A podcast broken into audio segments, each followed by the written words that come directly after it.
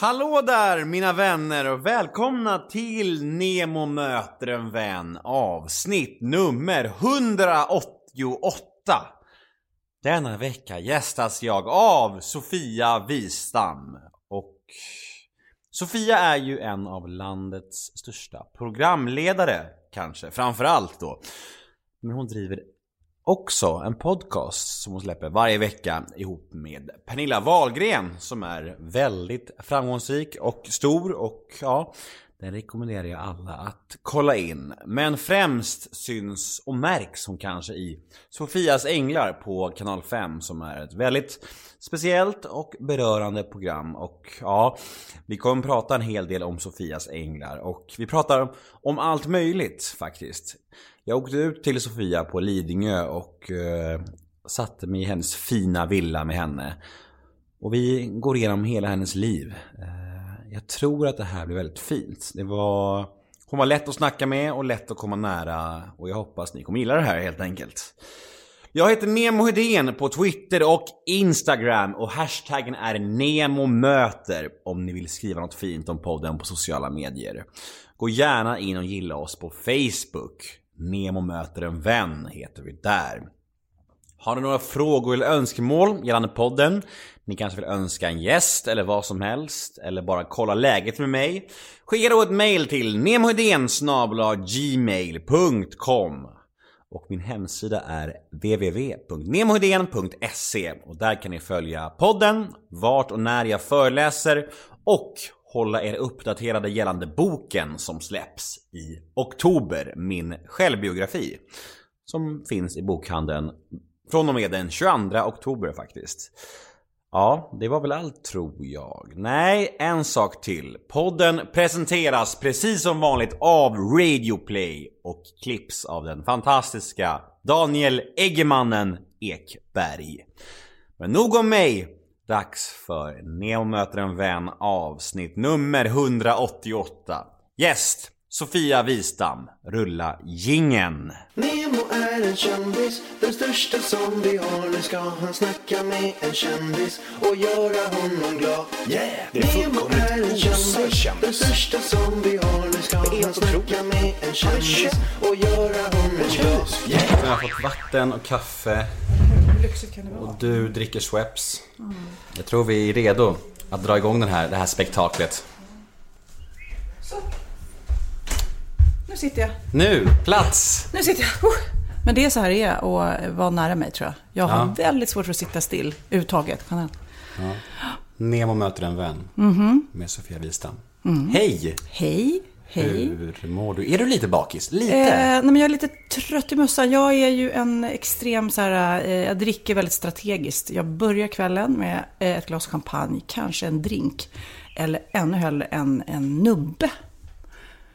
Sen så surfar jag rätt länge på det. Jag, dricker, jag är inte den som beställer en drink klockan tre på natten. Så att, därför är jag sällan bakis, men jag är lite sliten för jag har sovit lite. Vad var det för tillställning ni hade igår? Det var min man som tycker att det är väldigt kul att laga mat som hade tänkt att nu jäklar skulle han eh, laga allt han hade längtat efter att laga. Så han såg hela dagen och lagade mat och bjöd in en massa kompisar. Det blev en massa röror, oxfilé, efterrätt, vin. Nej, det blev väldigt trevligt. Men jag kan inte laga mat så att jag bara njöt av att äta. Inte alls. Alltså det är ju, mellan dig och mig och er som lyssnar, är ju lite en taktisk grej också. För säger man att man inte kan laga mat så slipper man. Men det är klart att hade jag varit på en öde ö så hade jag ju inte svultit ihjäl. Jag hade ju knockat någon älg, eller vad det kan vara, på den här öde ön och tillagat den på något sätt. Det Eller är, väldigt, det är väldigt kul att säga. Mellan dig och mig och de 25 000 som Ja, lyssnar. precis. Mm. Men har du någon eh, sån här paradrätt om du måste liksom bjuda till? Mm. Eh, ja, vad ska det vara då? Om jag skulle vilja säga att jag skulle imponera på dig som 17. Jo, men då har jag så vietnamesiska vårrullar, så rispappersrullar. Då, men då går jag ju efter recept, det är så här tråkigt. Jag läser två matskedar soja, eh, olja eller vad sjutton det är. Så att, eh, Så du har ingen, Jag du har ingen in- paradrätt i huvudet? nej, ja, men vietnamesiska vårrullar skulle jag nog gjort. Jag var med i det här Halv åtta hos dig en gång och lagade mat. Men Fast då, kändisversionen måste varit. Precis. Mm, såklart. Kändis som du är. Jajamensan. Är så konstigt, för jag då, Pernilla som jag umgås vanligen mycket med, hon är så bekväm med att säga jag är kändis, Mm. mina fans. Skit, jag, jag kan inte säga mina fans. Nej. Kan du säga mina fans? Nej. Det är ett superläskigt ord. Och hon är helt bekväm med det. Men varje gång hon säger, nej men det var ett fan som har skickat det här till mig, jag bara, oh. Uff, nej, det är någonting med det ordet som, är, som sticker i mig också. Jag, jag kan säga lyssnare, eftersom Mm. de har jag träffat mycket på livepoddar och så här. Men fans, det kan... Det, Eller hur, visst är det läskigt vrider sig ord? lite i magen. Samtidigt som jag förstår, för jag får ju jättemycket mejl och Sofias änglar och de gillar programmet och de gillar mig. Alla tänker att jag är världens finaste, snällaste människa. Bara för att det är den rollen såklart sker. Men alltså är det inte någonting i Wahlgrens DNA då? Att vara lite bekväm i den rollen? Ja. Att, så här, Men hon har ju såklart varit officiell person, kändis, eh, popstjärna, allt hon kan titulera sig så länge. Så det är klart att hon har levt med att skriva autografer typ hela sitt liv. Och hela släkten. Sofia Wistam, programledare, poddare, radiopratare, fotograf. Mm. Vad har jag skrivit? Eh, vad, har jag missat någon titel? Eller som du skulle kalla dig? Eh, mamma. Mamma. eh, tror jag nog är eh, det viktigaste. Mm. Eh, det kanske man inte tror. Om min man nu skulle lyssna så skulle han bara säga what? Eh, eftersom han tycker jag är borta väldigt mycket och jobbar väldigt mycket. Men vad kan man mer titulera sig? Vad säger jag du själv? ju, eh, nej, jag typ är nog programledare. Han är Ja. TV-hostess, kanske En jag säger snygg då. titel att kunna säga utomlands. Ja, är- Träffa en främling. What do you do for living at home? Du bara, I'm a TV-host. Eh, precis, och, det, är, och eh, då, det känns ju lite flashigare. eh, Faktiskt, på just amerikanskt sätt. Då är det ju så himla stort på TV-hostet. Det är det väl här i Sverige kanske också, men ja, jag vet inte. Nej, men också faktiskt eh, kan jag titulera mig smyckesdesigner. För att jag släppte ett halsband förra veckan och det har slagit ner som en bom. Alltså jag får... Jag säljer så mycket och jag får så mycket beställningar så att det känns som att det kanske är min nya karriär. Vem vet? Fan, det går bra nu alltså. Det går bra Vi nu. rullar bara på liksom. Cashen rullar in. ja men verkligen. Nej, men alltså man ska ju vara... Alltså i min, jag som har hållit på så länge i branschen. Så går det upp och ner hela tiden. Och det vet man. Och det läskigaste av allt med det är att man känner sin egen temperatur. Du vet, man känner om man är het eller sval. Och de där perioderna när man är sval, eller iskall, kan man också eh, känna. Hur folk liksom bete sig på ett annat sätt. Liksom. Och sen när man är het eller populär eller gör mycket som syns, då helt plötsligt så vänds alla blickar mot en sådär. Så det är ju, man, man måste lära sig att liksom hantera de här iskalla perioderna, för de kommer ju titt som tätt. Liksom. Har du någon specifik period under livet som du minns liksom med fasa? Så här, den här perioden var verkligen... Det här var nära. Emellan, Nej men, nej, men det, där du kände så här, fan jag kanske borde byta ri- riktlinje ja, helt. men det har jag känt flera gånger. Jag brukar se det själv som så här, när jag var liten och bodde på en ö, och på, på vintern så jumpade vi på isflak. Jag vet inte om du har gjort det någon gång? Nej, okej, men det låter kul. Det är kul, lite farligt. Det är inget kanske jag skulle säga till mina barn att göra. Men det är precis när isen bryts upp och det är Mhm. stora små isflak och så är det lite sport att ta sig hoppa emellan. Och precis så känner jag att det är med jobb och karriär. Att ibland står man på ett jävligt stort, stabilt isflak. Och så hoppar man vidare så här. Och ibland så är det banne mig inga isflak att hoppa till. Man känner så här, "Ha, vad ska jag göra nu? Kommer jag drunkna? Kommer jag, nu kommer jag sjunka. Och så kommer det ett litet, litet som hoppar vidare. Och lite så. Men ja, det är, ibland, jag har gått mellan kanaler. Jag var på, först var jag på fyran i många år, sen var jag på trean och gjorde Fame Factory. Sen så gick jag till femman. Sen så eh, var det någon period som jag inte visste om mitt kontrakt skulle förlängas. Och då var det verkligen så här, ha, vad kan jag göra? Även när jag började med tv, jag var ju fotograf innan, då var det också så här, ha, vad ska jag göra nu? Jag kan ju inte resa hela tiden nu när jag har småbarn. Och, vad, ska, vad är jag bra på? Så, eh, för så tänker man liksom, jag försöker peppa folk också som inte vet vad de ska göra. Att alla är bra på något. Och sen så ska man bara översätta det något. Till exempel, du har bra ordningssinne. Du är bra på att få peppa andra att göra. Alltså man kan då förvandla det till ett yrke. Och så tror jag att man ska ha yrkesstolthet. Att vad man än gör, även om man eh, jobbar extra i en matbutik så ska man fan, gud vad jag svär, jag brukar inte svära. Men så ska man göra den snyggaste fruktuppläggningen som man kan. För det kommer leda till något annat liksom. Så att man får bara ja, var, var stolt. Vi kommer komma tillbaka till karriären och så här sedermera under intervjun. Eh, Jag har ju varit här i krokarna faktiskt förut och gjort en podd. Eh, Jag har ju varit eh, faktiskt bara ett enda nummer ifrån ditt hus. Nej. Jo, Hos Peter Jihde. precis! Är hemma hos Peter Gide. Är, är ni polare? Vi är polare och det allra knasigaste är att eh, sommarna tillbringar jag på Gotland, södra Gotland.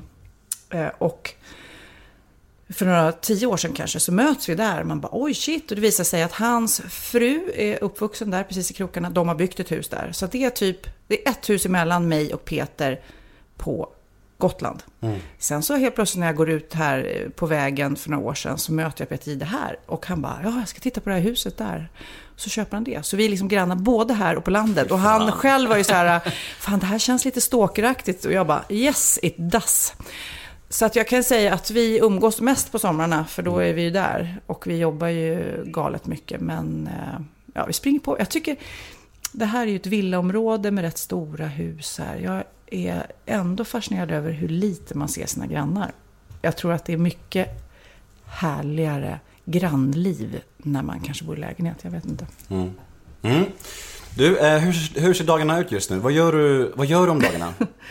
Vad jag gör? Jag gör Sofias Änglar, 40 veckor om året. Eh, Shit. ja, det kan du tänka då om du räknar till 52 veckor på ett år. Så 40 veckor om året är jag hos människor som är sjuka, döende, har klarat av eh, någon slags förlust, eh, har en utmaning, sorg och så vidare. Så jag är ju fulltankad med tårar. Eh, andras och mina egna. Men det är ändå jäkligt häftigt. Så att mest gör jag det. Sen en gång i veckan gör jag podd med Pernilla och då får jag skratta istället. Då är det tårar av skratt. Och sen så försöker jag hinna med något annat liv alltså. Men om du har en dag där du inte har något jobb eller ingen podd eller vad som Då helst. bokar jag in att vara med i den här Ja, podden. precis. Bara, Jag måste vara med i någon podd. Nej, det blir lite galet för jag, jag spelar in oftast måndag till torsdag natt. Eh, Så fredagen då när alla i min omgivning tänker att då har du en ledig dag. Det är då man ska gå till tandläkaren, gå på föräldramöte, eh, lämna tillbaka den där grejen. Alltså, min tid sugs upp, men det är ju ett val jag har gjort. Jag, jag trivs nog egentligen inte att sitta still. Och jag trivs inte att ta det lugnt och jag trivs inte att tänka. Jag ältar aldrig. Jag är som en guldfisk som så fort jag simmar i väggen så vänder jag och simmar åt andra hållet. Ältar aldrig. Men vi pratade lite innan vi började med inspelningen här Mm. om att du har varit offentlig människa, kändis, ett ord som vi inte gärna vill ta, Nej. men vi säger det ändå. Jobbigt. Eh, Länge. Ja. 25 år, vad sa du? Jag började med tv för 25 år sedan, men innan det så hade jag jag började tidigt alltså, för jag gjorde ju, eh, eh, började med att min bästa kompis, jag var ju en liten udda fågel här på Lidingö där jag växte upp eftersom eh, Eh, mina föräldrar hade typ inga pengar och vi bodde på en ö och jag rodde ut skolan och det, allt var lite knasigt. Så det var tufft i den här rätt snobbiga miljön som är här på Lidingö där jag bor. Och bodde, eh, och, men då hittade jag min själsfrände i en annan lite udda fågel eh, som heter Gigi. Och sen så helt plötsligt så slår hon igenom och blir värsta popstjärnan i Hamilton då i freestyle. Så att då började nog mitt liv att bara ta en helt annan vändning. Jag brukar tänka på mig själv att jag är en väldigt bra musa. För er som vet vad det betyder. Du får utveckla. Nej, men mus, jag tror att jag jag är... Jag är en som suger åt mig massa i, i, impulser, trender, intryck och så, så är jag bra på att sätta ord på det. Så att jag vet inte, samma sak när jag träffar Orup sen, eller Hannes innan. Det är många av dem jag umgås med som har blivit offentliga personer, kändisar och så vidare och är jätteduktiga på det de gör. Fast jag är, bra, jag är en bra person att ha i närheten då, tror jag. Så att jag började väl den, hela den där eh, att vara nära kändisskapet med Gigi och sen Hannes och sen Orup och sen så började jag med tv så då började jag själv. Men det här med intervjuer överlag då, alltså Mm. genom åren. Du har gjort en hel del, du har både intervjuat och blivit intervjuad. Tycker du att det är svårt att hitta eh, balansen i, i, i transparensen? Jag menar, tänker du har en podd, du pratar mycket om dig själv och så här. Och jag kan tänka mig att det ändå känner att du vill dela med dig om saker och ändå inte, och ändå ha ett slags privatliv. Den här balansgången. Ja, jag, hade, jag gick på mina nitar kan jag säga i början när jag höll på med Sofie Propp som var ett eh, barnprogram då i början av 90-talet. Eh, då började väl kan man säga hela tv-karriären att jag gjorde mycket intervjuer från mig själv. Och då fick jag ett så eh, eh åkte jag fast och körde full. Eh, inte bra, då fick jag hela den. Två så eh, fick jag en fråga från Värnpliktsnytt. Vad ska alla vi militärer göra när vi längtar efter våra tjejer? Och då sa jag, ni får väl kolla porr. Eh, och det blev också rubriker. Och då fick det vara så här, Sofia mot Björne. Vad, du vet, så här, Björne tycker det är skandal att Sofie Propp pratar om porr. Man bara, men åh, hur gick, blev det så här i tidningen, du vet? Så att jag gjorde mina såna här s- grejer som jag fått äta upp. Och sen var det Pride när jag visade brösten. Så att jag hela tiden balanserar på någon slags, förlåt, jag balanserar på någon slags, eh, eh, det är väl kanske mitt vanliga jag. Fast jag förstår också vad som blir rubriker och tokigt. Så att, samtidigt som det är tråkigt att vara bara plain. Så att, ja, man bjuder på, på det ibland. Ja. Är det roligare att intervjua eller bli intervjuad? Det är väldigt, eh, ja, intervjua, absolut. Ja. Det, men det är ju bara för att jag... Eh, då är det att intervjua, det vet ju du om någon, det är ju som ett hantverk. Det, är, det blir ju som en utmaning att försöka hitta någon vinkel. Jag gjorde en serie på TV4 för länge sedan som heter Sofie Pop, hette Sofie Pop. Och då var det, jag skulle intervjua internationella popstjärnor, typ jag kommer ihåg, jag skulle intervjua Lenny Kravitz och ehm, Ricky Martin och Spice Det var många sådana här artister. Och då var det så här, hur ska jag göra den här intervjun? Och inte göra the plain liksom. Så, eh, och Elton John var min bästa, för då var det så här, jag skulle intervjua honom i London, så här klassiskt på något hotellrum. Och, och, och då var det någon som sa så ja men han var ju i Stockholm mycket på 70-talet och han umgicks med Christer Lindarw. Jag bara, okej, ringer Christer Lindarw så här, har du något kul fakta om, åh det är så roligt och jag och Elton. Och så fick jag en massa så här personliga minnen från Christer som de brukar göra i Stockholm. Och så fick jag bilder. Eh, Så när jag väl kom till det här hotellrummet med Elton och han förväntar sig en vanlig eh, hur känns det med nya plattan intervju så var det så här, oj jag har en hälsning här från Christer, kolla den här bilden och då boff så öppnar ju sig eh, massor med roliga historier. Samma sak, Lenny Kravitz kommer jag ihåg, fick jag reda på att hans första album plåtades av en svensk fotograf. Så fick jag tag på honom och han bara, åh så kul och vi hade så roligt Lenny och jag. Och han- innan han hade pengar där, när han började med musiken så var han krokimodell. Och jag bara, gud så roligt. Och att han an, inte använde kalsonger och sånt där. Det är ett smart grepp det där att hitta en personlig eh, ingång, en slags eh, linje in. Jag gjorde mycket så i början av mina poddar, mina första liksom 30-40, att jag hade någon så här eh, en slags koppling till alla Du känner den som känner den Exakt. som sa att du... Mm, Min pappa, som jag sa till dig innan, var i musikbranschen. Så många, så det fanns många kopplingar liksom. Och det gjorde jag ofta att samtalen blev så här: jaha, han, känner du han, vad kul, då kan vi prata lite om det. Och så var det lite naturligt på grund av det. Det är svårt efter 180 avsnitt att hitta en koppling till alla. Men det är ett smart knep som är... Ja. Så jag snodde, Men det blir- jag snodde ja. lite ditt säga. Ja, ja, ja, precis. Det var jag som var först. Det finns ingen annan. Nej, men det jag började faktiskt när jag började med tv på, eh, det var när TV4 drog igång eh, morgon-tv. När jag slutade som fotograf och började med tv. Och då var det, då började jag som researcher. Och då var det, det är som en helt ny värld. Och liksom nu är det ju lätt att hitta eh, fakta. Även alternativ fakta som ibland kan bli rolig att använda. Även om det inte är sant så kan man ju bli en diskussion om varför det, det ryktet ens har uppstått. Liksom. Konstnärlig frihet. ja, precis. Men vi har faktiskt en, en lyssnarfråga om Sofie Pop, men det kommer i slutet. Så du får hålla, ta lite godo. Lugn, lugn, lugn. Eh, du, ehm, jag tänker ändå att eh, vi ska ta lite från början. Vi har, vi har snackat lite om tidigare i livet, men ändå, jag vill skruva tillbaka bandet till jättetidigt alltså. Vad minns du från... eh, Min förlossning. Ja, det blev det var ett ljus. Nej men vi kan fråga så här. vad är dina första minnen i livet? Vad har du, vad är dina första liksom så här... Har du några känslor från tidig ålder? Nej, men ja, mitt första minne är superstarkt. Jag går och håller min pappa i handen. Det snöar. Jag har en päls, liten så här, eller syntetpäls, och den har tappat en knapp. Och han säger att mamma och pappa ska inte bo längre ihop. Och då är jag tre. Så det blev ju starkt. Men jag kommer precis ihåg, och jag vet ju inte ens om det är ett äkta minne eller om det är något jag har fabricerat upp. Men det är så jag minns det. Har Ja, men jag har verkligen tänkt att det är mitt första minne. När de skulle skiljas. Jag var tre och han berättade det för mig. Hur såg eh, familjekonstellationen ut när du var liten? Oj, det var min mamma och pappa och eh, jag. Jag vet inte riktigt om jag var planerad ens en gång. Det bara blev jag. Eh, men min eh, pappa var väldigt, väldigt annorlunda, väldigt speciell. Jätteknasig. Så På vilket eh, sätt? Ja, du, jag, jag, har så många exempel på det, men du skulle knappt tro att det var sant. Men i alla fall. Ta något. ett exempel som Ett blow exempel. me away. Ja, okej. jag kan... Ja.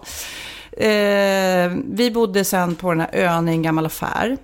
Eh, och eh, de... Bodde ni på, i en gammal affär? Mm, I en gammal affär. Och, men han tog inte bort grejerna så vi bodde bland frysdiskar och skärmaskiner och sådär. Ja. eh, och då så eh, använde vi de här maskinerna. Så när vi åt frukost, han bakade något bröd, så gick jag till skärmaskinen för att eh, skära frukostbrödet. Och då tog brödet slut. Och det är ju sån här, du vet som i affärerna som man skär korv och sånt med charkuterier. Alltså det är vass som fan. Borde inte varit i närheten av den. Och då skar jag av två fingertoppar för brödet tog slut. Och jag var kanske tio och skriker som en stucken gris. För det sprutar blod. Det kanske inte ens gör så ont men det sprutar. Och då så kommer min pappa och min styvmamma så här och, och springande. Och då säger min styvmamma, "Ja, men jag tror vi ska åka in och kolla om vi ska sy fast den här fingertoppen. Och då säger min pappa, "Eh, det går inte för det har jag matat katten med redan. Oh, shit. Ja. Så att eh, okej, det var ett blow you away. För att han, är, han var fantastiskt och jätteknasig. Men, eh, och just när, han, när jag var född med min mamma och pappa där så, eh, så kommer jag ihåg när han skulle skiljas, eller när de skulle skilja sig och han hade träffat sin gamla ungdomskärlek. Så där, då, då var han ju ute med min mamma och hittade en ny kille till henne. Så att, eh, Snurrigt. snurrigt. Mm. Du hade inga syskon? Eh, nej, de två fick inte fler barn, men sen fick min pappa då med den där mm, gamla, nya kärleken. Eh, två till syskon. Vad, eh, vad gjorde dina föräldrar? Vad, hur försörjde de sig? Min pappa är, var, då han dog för några år sedan, eh, psykiater. Han jobbar med hemlösa och missbruk. Det är ändå lite intressant att de snurrigaste, mest speciella människorna är oftast sådana psyko- psykiatriker eller Ja. terapeuter. Eller Ja, fast jag tror han var verkligen, verkligen rätt person på rätt plats. För han såg inte skillnad på mig och en hemlös. Alltså han värderar, eller han såg bara människor och han, han var sån här som, han gick ner i tunnlar och hittade hemlösa människor. För hemlösa som drar sig ifrån systemet eh, får bli sjuka såklart, precis som vi andra. Men kanske deras sjukdomar tar en annan riktning för de går inte och söker hjälp. De äter inte penicillin. De, du vet, de blir, ja. Så de behöver bli puffade på för att faktiskt klara av det. Och han, ja, det skrämde inte honom eller äcklade eller... Han gick ut i de här tunnlarna och hittade hemlösa människor och behandlade. Och det är ju coolt. Fint. Mm. Skulle du säga att det var en lycklig barndom? Förutom fingertoppsincidenten. Ehm, Jag kan säga, ja det, det är ju bara en av Ja, tusen. Jag kan säga så här, jag är helt övertygad om att han hade så väldigt många diagnoser, min pappa, eh, och var väldigt bekymmerslös. Och det är, eh, många av mina kompisar eh, upplever nog att jag hade världens bästa. Men jag tycker att det var tufft. Alltså att växa upp med någon som är så annorlunda, det är tufft. Alltså. Att vara barn till någon med Asperger är, det är tufft. För att man, eh, man söker kärlek och bekräftelse men de vet inte riktigt hur man ger det tror jag. Tror du att det är lite därför du har hamnat i det karriärsvalet du har gjort? Alltså att ett, ett bekräftelsejobb på grund av din... eh, Kanske. Jag kommer ihåg någon gång när jag satt och gjorde läxorna med honom. Han var super, super, super, super intelligent. Eh, och han gjorde läxorna. Han bara skakade på huvudet. Han bara, det här kommer aldrig gå. Du får bli flygvärdinna eller något. Skaffa en rik karl för du kommer, det här kommer inte gå. Sa han det till dig? Ja, det sa han. Ganska Eh, elakt. Eh, ganska elakt, men det är inte för att han förstod att det var elakt. Men eh, jag tror att någonstans, jag kommer ihåg också när jag började som fotograf då, som var mitt första yrke som, som gick bra och jag jobbade bra och så här. Då var det verkligen så här, de, jag tror inte någon förstod, hur kan jag vara bra liksom? Eh, så, och det blir ju liksom såklart, som du säger, någon slags revanschlust, att man vill visa att man är bra. För att ingen tror att man kan vara bra liksom. Men kan du, har du förlåtit honom för de grejerna? Eller har det varit mycket ilska? Nej, honom? ingen alls. Nej, nej, nej, nej. Han var min idol hela tiden. Liksom. Jag gillar ju det här och jag är ju väldigt... Eh, eh, som sagt var, lite som tillbaka, jag ältar inte utan jag är ju... Jag, men jag, det som är väldigt specifikt med en sån uppväxt är att jag klagar aldrig. Jag kan vara hur sjuk som helst, jag kan vara, och jag pratar aldrig om det, om jag har ont. Och jag, men det gör också att jag har lite, lite förståelse för när folk kommer och har slagit sig ont. Jag är så här, eh, ja. För att jag, om jag ramlade av cykeln så var det ingen som tyckte synd om mig. Om jag ramlade ner i en vak på väg till skolan, vilket jag gjorde en tre, fyra gånger, då går man upp, eh, eller tar sig upp med isstubbar, man går hem, man byter kläder och går till skolan. Det är inget ens man pratar om med andra. Men nu, om mina barn skulle ramla i en vak, då skulle man ju tycka att det var en stor grej. Liksom. Ja, jag vet inte. Men eh, empati kanske jag har lite problem med. Om folk klagar i onödan. Han gjorde nog så gott han kunde tänker jag. Och det är väl också det här, med mina föräldrar, jag har varit fylld av väldigt mycket så här ilska mot vissa grejer som de gjorde under min barndom. Men eh, när jag blev vuxen så var det mer så här, ja, de gjorde så gott de kunde. Det var lä- lättare att landa i det och, att förlåta dem för det. För att det är också så att bara för att jag har skeva beteenden idag så har jag skyllt mycket av dem på mina föräldrar. Men man får också så här, ingen förälder gör någonting med flit, tänker jag, mot sina barn. Alltså, alltså, alltså klart, klart finns undantag, men jag menar att även om de är snurriga saker så har de förmodligen gjort så gott de har kunnat liksom. Ja, jag tror alltså, eh, på den tiden också, den generationens föräldrar var ju så här, det var, curling var ju inte uppfunnet. Nej. Det fanns ju inte eh, på världskartan att han skulle göra någonting för min skull. Utan jag gjorde ju det som han gjorde. Ja. Ville han gå på museum, absolut, då följde jag med. Men det var ju inte så att, åh, nu så ska jag gå på Gröna Lund eller vad man nu... Nej, det finns inte på Du kommer, världskartan. inte, du kommer inte först liksom. Nej, nej, nej. nej. Så att, Men det var ju, sen så vet jag inte, kanske får man en mot, eh, motreaktion då som nu. Så att jag är ju super... Tvärtom. Ja, men jag kollar mina barn så att det, jag skäms. Mm. Skäms. Jag lovar, Kid skulle kunna komma hit med kläder, jag skulle tvätta dem. Mm. Hur gammal är han? 26. Ja, fy fan. Han kommer inte med Skärp kläderna dig. dock. Han Skärp kommer inte med kläder. Vi får se under poddens gång om, Ja, man, dundrar, om man precis. dundrar in här med en sopsäck på ryggen. Ja. Eh, Okej, plugget då? Skoltiden. Mm. Eh, hur minns du skolan? Vem var du i plugget och vilken roll tog du där? Ja, det var så intressant, för jag var precis med i ett program som heter Klassfesten. Mm. Eh, och då hade du mig för första gången samlat ihop min... Var det här min telefon? Du får kika om du vill. Ja, det var... ja, Det är inte Nu min. går alltså Sofia iväg mitt under intervjun. Det är inte min, så att eh, jag stänger av. Det var en som var på middag här igår, så han ville nog bara tacka för middagen. Jag Vad var- hände igår Ja, egentligen? precis. Jag var i minneslucka, jag kommer inte ihåg. Så jävla schysst vin ni hade. Vad var ska jag? Jo, jag var med i klassfesten och då hade de samlat ihop klassen som jag gick i ettan till sexan. Alltså det var ju väldigt länge sedan. Och eh, det var ju ett, det är ett knasigt roligt program. Eh, och jag var att jag vaknade på morgonen. För jag förstod ju då att de hade hittat de här klasskompisarna som man inte har sett på 35 år liksom. De hade rest, vem vet var de bor någonstans, och så vidare. Och jag var så jäkla magsjuk. Alltså, magsjuk, magsjuk. Och jag har en konstig grej att jag svimmar när jag kräks. Alltså det var ett helvete. Och jag förstod att jag går, av alla tv-inspelningar, så det här går inte att eh, skjuta på. Jag var tvungen att bita ihop. Så att jag satt med en spypåse i soffan. Det här var stickspår, för i alla fall. Men det är okej. I alla fall så skulle man då, och då skulle, då i det här programmet så var det ett moment där det var massa adjektiv, där det står så här, de här eh, sakerna, vilket passade in på dig liksom. Eh, och då gissade jag, och det var helt annorlunda. Bokmal, jag läste jämt, jag eh, hade huvudet i en bok. Jag eh, var eh, festfixare, tydligen så drog jag igång alla klassfester som det var på den tiden. De har försvunnit nu. Mina barn har inga klassfester. Um, vad sjutton var det mer? Äventyrlig tror jag. Men det var väl bara för att jag bodde på den här ön. Ja. Så det, var, det, det var inte, jag trodde så här killtjusare hade jag någon dröm om kanske att jag skulle vara. Nej, det var jag inte. Ja. Hade du någon sån här eh, ådra i dig av entertainment? Ja, men jag tänkte så här, eh, vad jag ville bli. Så tänkte jag, jag var inte religiös, men jag tänkte präst så kunde jag stå och prata inför folk. Så det var ju någon slags, eh, kanske önskan till det. Det fanns ingen, te- alltså, ingen tv-dröm alls? Nej, nej, nej, nej, nej. Även när jag började med tv så var det så här. Jag kunde inte vara fotograf längre för jag kände att jag reste för mycket och stod i mörkrummet och jobbade som jag gjorde på den tiden. Det var för tidskrävande. Jag tänkte jag skulle bli projektledare kanske. Så jag gick och, eh, det var några som jag hade fotograferat som var så här, du kanske ska börja på tv. Och så gick jag dit och sökte jobb när nyheterna skulle dra igång på morgonen på fyran. Och de tänkte så här, ja du har jobbat som stylist och fotograf. Du kanske kan ha hand om kockens kläder på morgonen. Det var liksom min första Eh, och ja, absolut. Men så var det ett nytt program och vi skulle fylla så mycket tv-tid. Så det var så här, okej. Är det någon som har en idé? Ja, vi kanske kan göra ett, Eh, en reportageserie om hur folk spenderar sina morgnar. Bra, gör det! Va? Jag? Ja, gör det bara! Okej, då, var det, då frågasatte jag ju inte. Menar du verkligen mig som inte har gjort tv? Och så fick man lära sig. Det var ju som en le, leka tv fast det sändes. Liksom.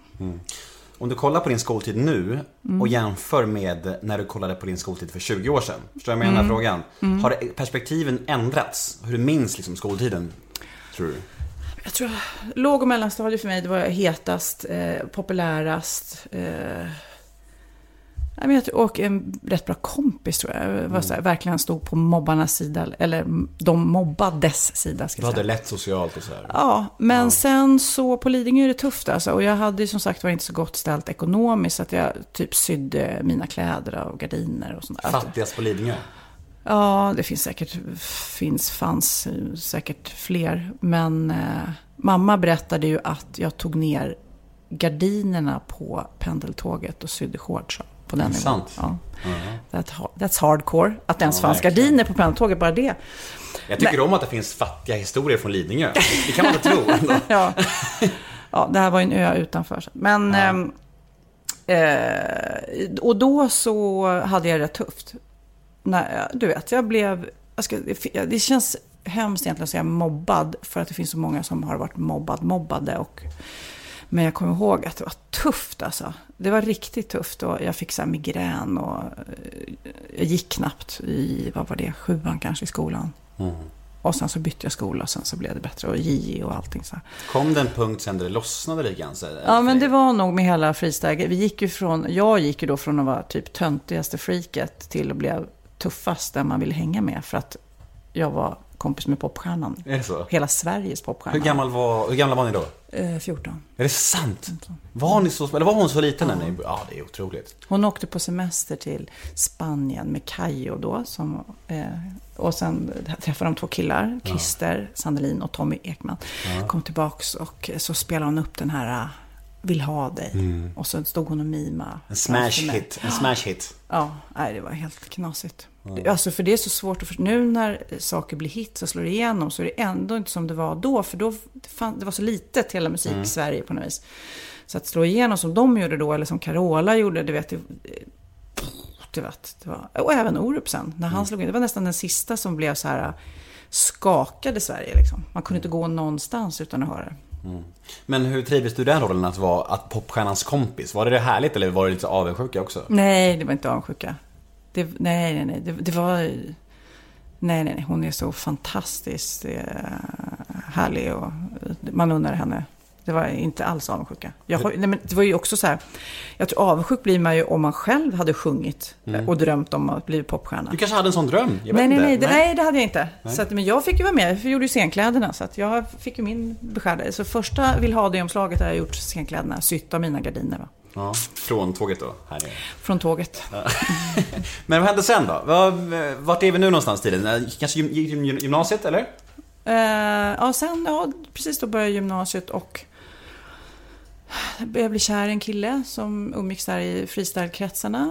Så jag flyttade hem till honom. Han låg i lumpen, så jag bodde ja, själv i en lägenhet i eh, Orminge. Och Lite var- skillnad från Lidingö. Ja, alltså ja. Jag, jag var ju liksom, jag hade, jag, ja, ingen jag kände och umgicks med hade ju pengar. Så det var ju inte så att jag hade någon överklassyn på någonting. Så det var nog bara, nej men jag bodde med den här killen och var jättekär. Och han, eh, han var väldigt bra på att hypnotisera, kommer jag ihåg nu. Oj. Han hade långt lockigt hår och kunde hypnotisera. Det var så han fick dig? Ja, precis. Jag kanske inte ens var kär i honom. Han hypnotiserade mig till det. Obehagligt alltså. Så fick alla tjejer. Ingen förstod någonting. Och jag kommer ihåg, när, nu, när jag såg en flash där, i den där lägenheten i Orminge, när han är borta, så står jag och diskar Ja. en morgon i t-shirt, stor t-shirt utan någonting under. Och så bara känner jag så att jag ska slänga soporna, så går jag ut och så blåser fucking dörren igen. Och jag står ute låst i bara t-shirt, liksom inget under. Och jag bara ah! Och så vet jag, det här är på andra våningen och jag vet att balkongdörren är öppen. Så jag måste ju upp dit för att komma in. För du vet, jag var ju, vad var jag, kan ha varit 16, jag, det här med låsmed fanns ju inte i min värld. Nej. Det är som att taxi fanns inte. Utan man, och så gick jag ut och sen så kommer ett litet utländskt par, äldre par. Du vet så här 70 som kommer från något land och kunde knappt svenska. Och jag bara, ursäkta mig, har ni möjligtvis en stege? Och de var absolut, kom med hem. Och jag bara gick och drog i min t-shirt in i deras väl piffade eh, hem. Och mannen då hittar stegen, går ut och han säger, jag håller. Eh, nej, du behöver inte hålla i stegen, det är bra. jo, jo, jo, jag håller. Och jag bara, nej, du får inte hålla. Det är så, han fattade ju inte varför han inte fick hålla i stegen liksom. Och så hade stod vi och tjafsade om den här stegen och till slut bara, äh, skitsamma, han får väl, han får väl se. Han får väl, han får väl kolla då. Men eh, sen då, hur, hur steget till liksom showbiz och tv-branschen, vad hände liksom? Ja, vad hände alltså? Jag trodde ju inte. Nej, Hur jag, halkade du in i branschen, så Hur att halkade jag säga? in det? Jag kommer verkligen ihåg. Nej, men det var, jag slutade som fotograf, började på Nyhetsmorgon med research. Sen precis parallellt så fick jag en fråga av några. Eh, de skulle göra ett program som heter Knesset på Mm. ZTV. Som vi inte visste då, men som blev ju galet kultförklarat. Jag kommer ihåg att vi var på omslaget på hela DN då. Vilka Nej. var med där? Knesset? Eh, det var Christian Luuk som ledde. Just det, det det var var hans kände igen första. det. Och Mm. sen då de två original första säsongerna var jag, Olle Ljungström, Eva Röse och Johan Widerberg som var liksom original. Bra jävla gäng alltså. Bra jävla gäng. Och där var jag ju som mest, alltså jag är så ung och söt och frispråkig va. Jag hade inga filter. Jag bara bla, du vet. Och eh, nej, det var magiskt. Men det slog igenom, eh, det var ju kultgrej. Det var ju smalt med kult. Och fortfarande kan jag träffa folk som kan repliker som är sagda i Knesset. De har liksom tittat så många gånger som har lärt sig våra repliker utan till. Hur Helt var, galet. hur var det att jobba med Olle? Jag tycker väldigt mycket om Olle. Åh, ja, jag älskar Olle. Så eh, Ja. fin. Jag älskar hans musik och ja. Alltså jag satte mig i bilen häromdagen och någon spellista på telefonen gick på automatiskt där, utan att man valde och eh, det var Olle, någon Olle-låt och jag blev helt uppfylld av honom och att han inte finns längre. Och jäkla skit, alltså det, var ju, det är ju inte helt otippat att Nej. han inte finns längre såklart. Men däremot så är det Han är helt, jäkla fin helt, helt unik. Alltså, Ja. one of a kind. Och, nej, jag vet inte, det finns, det, jag var någonstans lite glad när han var med Så Mycket Bättre. Först Mm. kände jag så här, åh nej, ska han bli folklig? Ska han bli allas nu? Men sen så blev jag också glad för att han fick sitt erkännande hos den stora massan Mm. till slut som han verkligen förtjänade. För han var en sån artist som var så himla egen och, och som verkligen berörde folk. Mm. Så jävla cool bara liksom. Och Cool och skör. cool, skör. Ja, han, han körde för hårt hela tiden. Alltså, det var synd. Var det under den här perioden i Knesset-tiden som du träffade Orup också?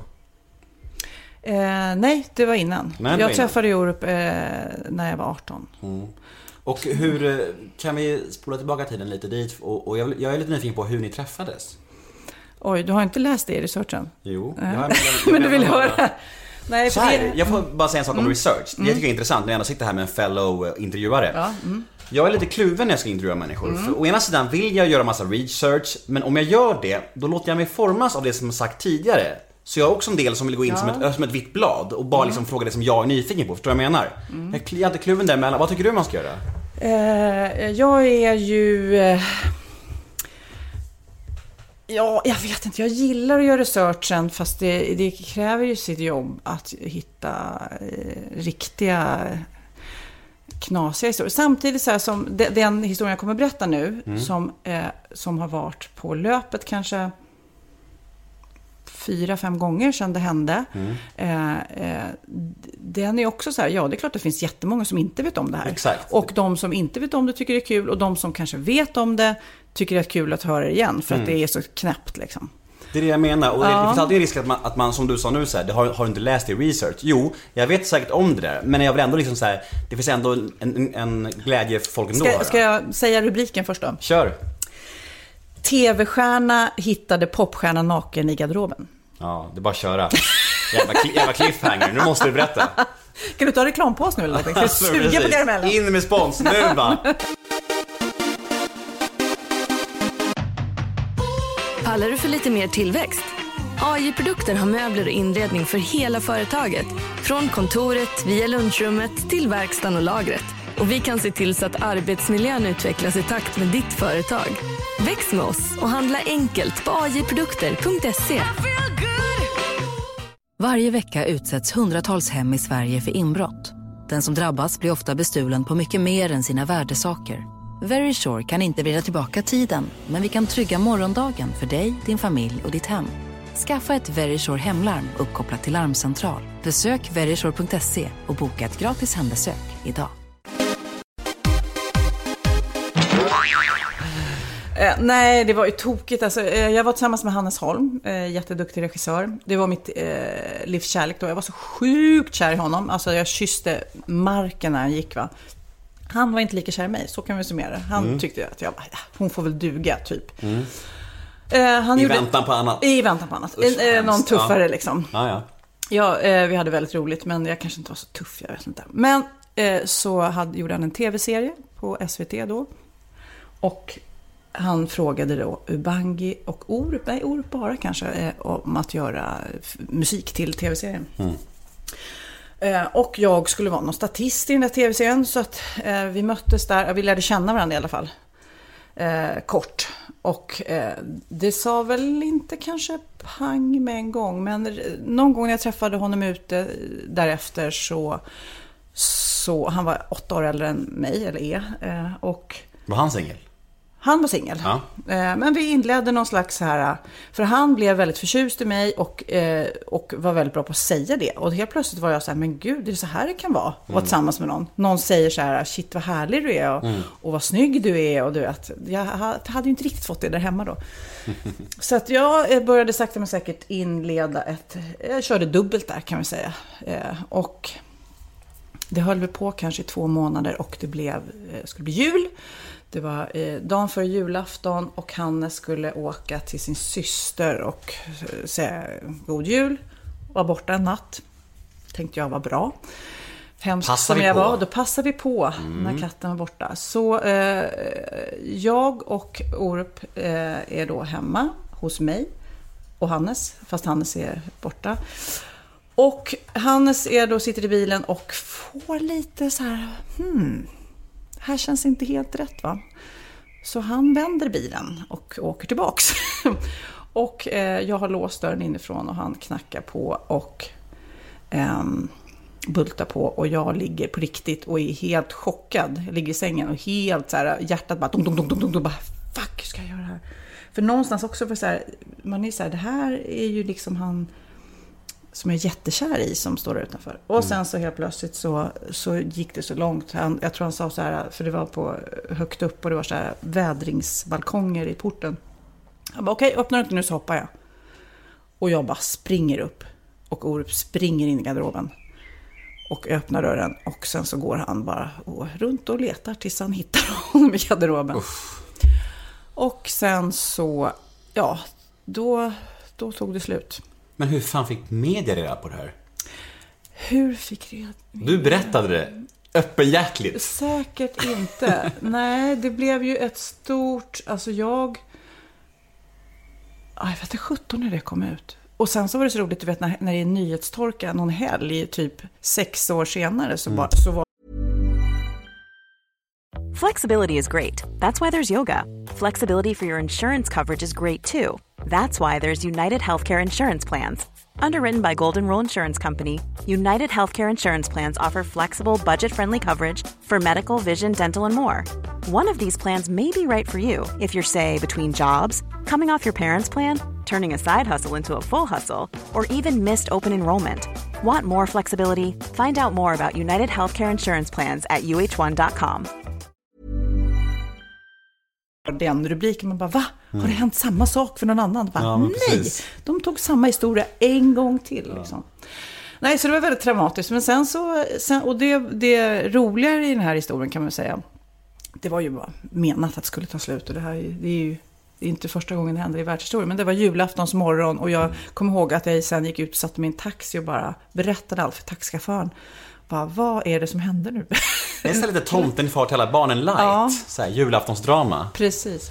Men alltså du, Men- Kall... men- Ja, förlåt. Nej, men för Orup var ju då, han jobbade som servitör, eh, hade lagt lite musiken på hyllan. Han bodde i ett pytteliten lägenhet som var som ett cykelrum, där jag då flyttade in. Så vi bodde i den här, det var så sjukt kallt. Eh, och han sa så här, jag ska inte satsa på musiken. Jag, jag är låtskrivare istället. Han hade skrivit en låt till Björn Skifs precis som hette Vill du inte ha mina kyssar? Och det var väl så vi tänkte att det skulle vara. Och sen så sa det, kanske två månader så tog det, så det pang. Pang, här. Som en explosion. Är du redo? Har du alltid kallat honom Orup?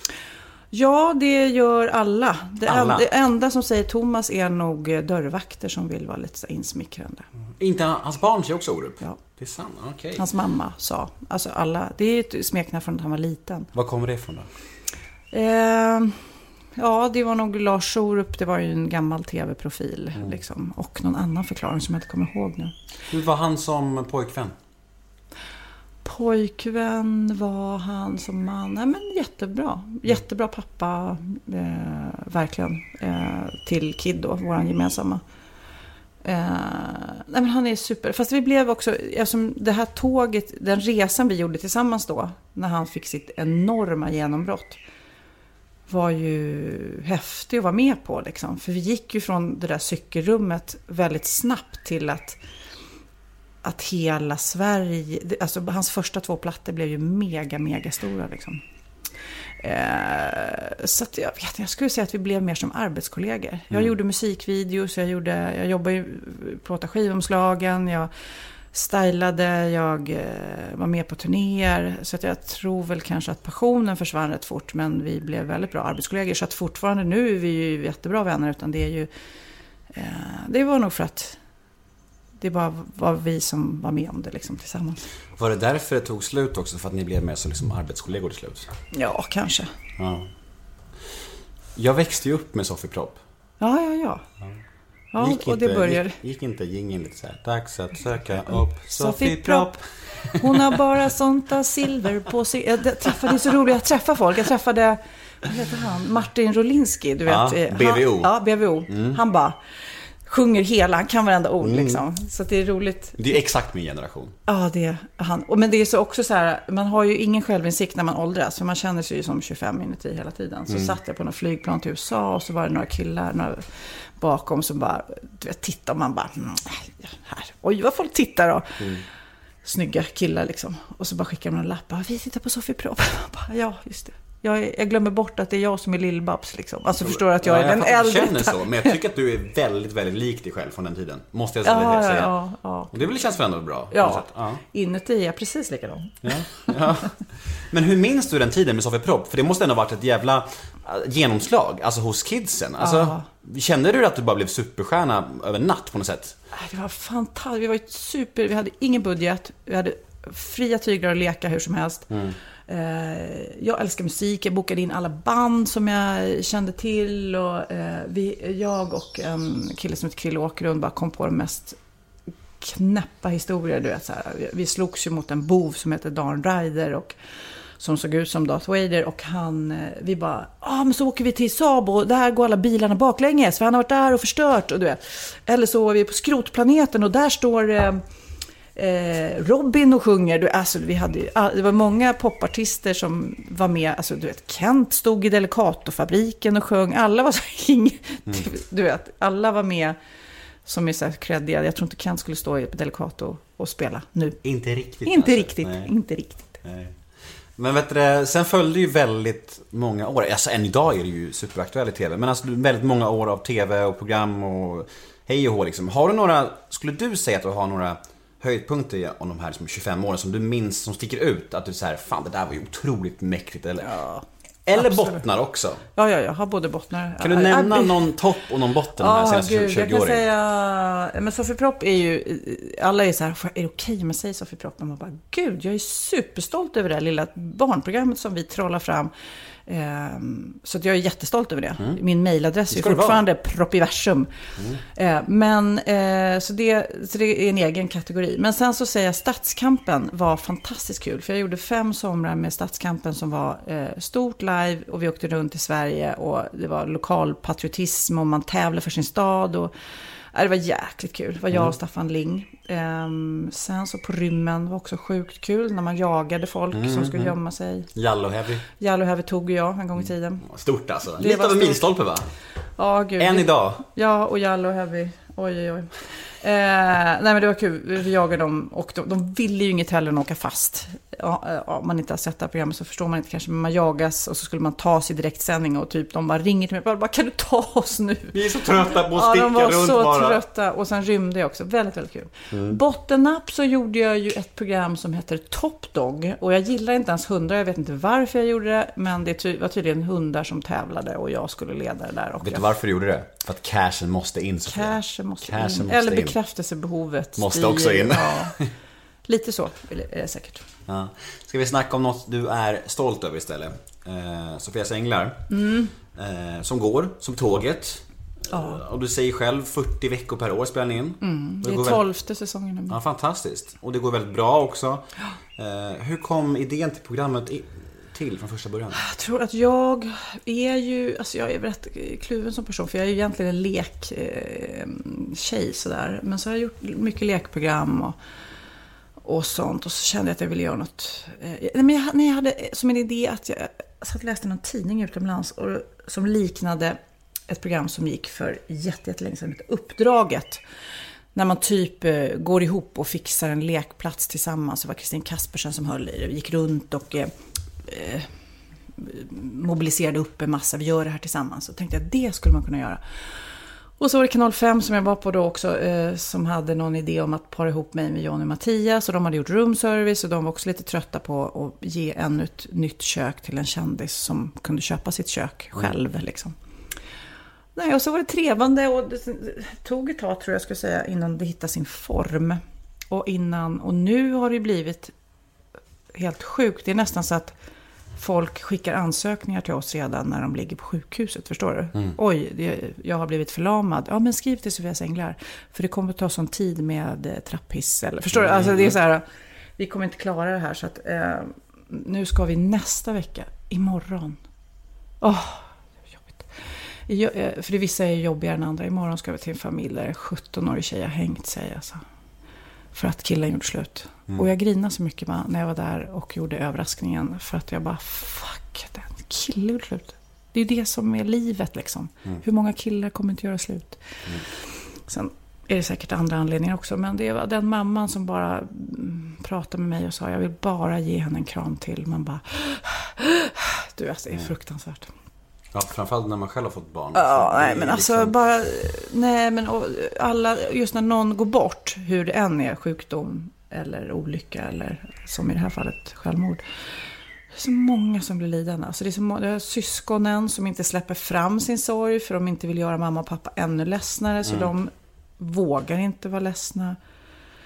Kompisar, eh, släkt. Alltså det är så många som, eh, som kraschar när någon går bort. Jag har tänkt på det där och att det är ju ett överlag extremt mörkt program. Visst, det är också väldigt fint och mycket kärlek och, och lycka så här, och, och det sprider mycket hopp och glädje. Men vissa episoder, i min värld så är det nästan på gränsen. Att det är för mörkt nästan. Det var en episod med en kille som, med en pappa som backade över sin Ja. ja. ettåring. Va? Och, så här.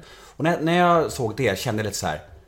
Man såg ju på honom att han fortfarande liksom var i sorgen. Han hade ju liksom inte kommit över det än. Och då kände jag, det här är nästan på gränsen. Kan du känna så också? Att, att att det liksom... Just det programmet, eh, som jag minns mycket väl, var säsong Berätta, berätta eh, bakgrunden två. Nej, det var säsong två. Det var, en, det var på en bondgård och tyvärr varje år så händer det olyckor eh, på, dödsolyckor på bondgårdar. Mm. Jag provade där att backa med traktor och den, man har otroligt dålig sikt eh, i, i traktor. Man måste vara, ha väldigt bra koll för att eh, inte köra på något av misstag. Mm. Och sen är jag även de här eh, som mina barn kallar koäggen, de här emballage, de här vita höbalarna. Eh, de travas ju upp. Många barn leker i dem. De ramlar, krossar. Det väger ju ton liksom. Det händer olyckor eh, på bondgårdar. Det här var på en bondgård. En pappa som hoppar in i sin bil. Mamman eh, skulle ha koll på... Han var nog två, kanske två, tre. Han gick i alla fall. Eh, det var ju några år sedan här. Och han springer efter pappa och vill följa med. Och han backar. Och det går inget bra. Så det är ju en ofattbar jobbig grej alltså. Att orsaka sitt barns död. Och den familje... Jag frågar ju mamman där så här. Hur kan man förlåta? Och, eh, och inte älta det här. Eh, eh, Men då sa ju hon att jag skulle ju också hålla koll på honom. Det var ju mitt ansvar att han inte skulle springa ut. Så de hade ju sin skuld båda två. Men eh, det här var, jag tror att vi har blivit mycket, mycket mer luttrade. Vi måste vara super, alltså castingen ett. Det är ju så jätte- jättemånga som söker till oss. Jag tror man måste vara jättenoga med vad innebär ett tv-program att göra, impacten som det har. Eh, varför gör man det? Eh, eh, är det bara för att man vill ha hjälp? Är det för att man vill ha ett budskap? Eh, är det för att man ska vill visa att livet går vidare när man drabbas? Jag tror att det är superviktigt. Och sen så gör ju de som klipper programmet ett enormt arbete. För vi har ju allt. Skulle du vilja klippa ett becksvart program så kan du göra det. Du kan bara ha tårar. Men det är ju någon slags balansgång som de är väldigt bra på nu tycker jag. Att, att visa hopp, att vi gör jättetokiga grejer, vi skrattar tillsammans. Och det kan jag säga till varje familj, typ den här mamman som vi kommer komma hem till imorgon. Vi kommer skratta tillsammans. Vi kommer ha jätteroligt tillsammans i denna inspelning. Eh, samtidigt som vi kommer gråta tillsammans. Så det är ju alla känslor i det där. Och det de är, de är ju inne i en negativ spiral. Mm. Man kan inte göra någonting. För ibland, jag fick någon recension där det var så här, ja men vad fan spelar det för roll om de får en ny eh, altan, om deras barn har gått bort? Jo, därför att när man är med om en stor förlust eller en sjukdom, då, då hela livet bara fryses. Liksom. Man har ingen kraft till något. Ingenting. Man vill ingenting. Och, och huset eller jobbet eller vänner, allting bara raseras. Och vännerna vill hjälpa till, släkten vill göra saker. Så kommer vi dit och bara rycker upp allting. Nu, bara, nu vänder vi, nu, nu, nu gör vi annan. Vi kan inte ta tillbaka sitt barn, men vi kan göra att du försöker komma tillbaka till livet. Liksom. Mm.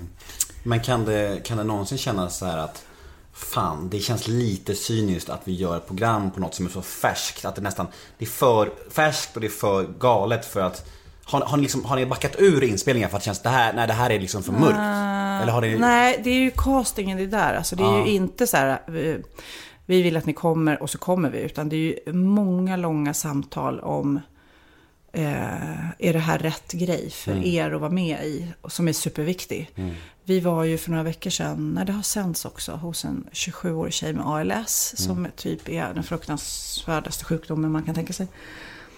Och det var också så här, hon står inför döden. Inom två år kommer hon antagligen inte finnas längre. Hon kommer sakta men säkert, jag vet inte om du vet vad ALS är, är ju vidrig liksom. Tyna bort liksom. Tyna bort, hon har en liten tjej. Och hon bara, hon bara krampaktigt kramar mig och säger, jag vill inte dö, jag vill inte dö, jag vill inte dö. Man, du vet, man är ju knäppa.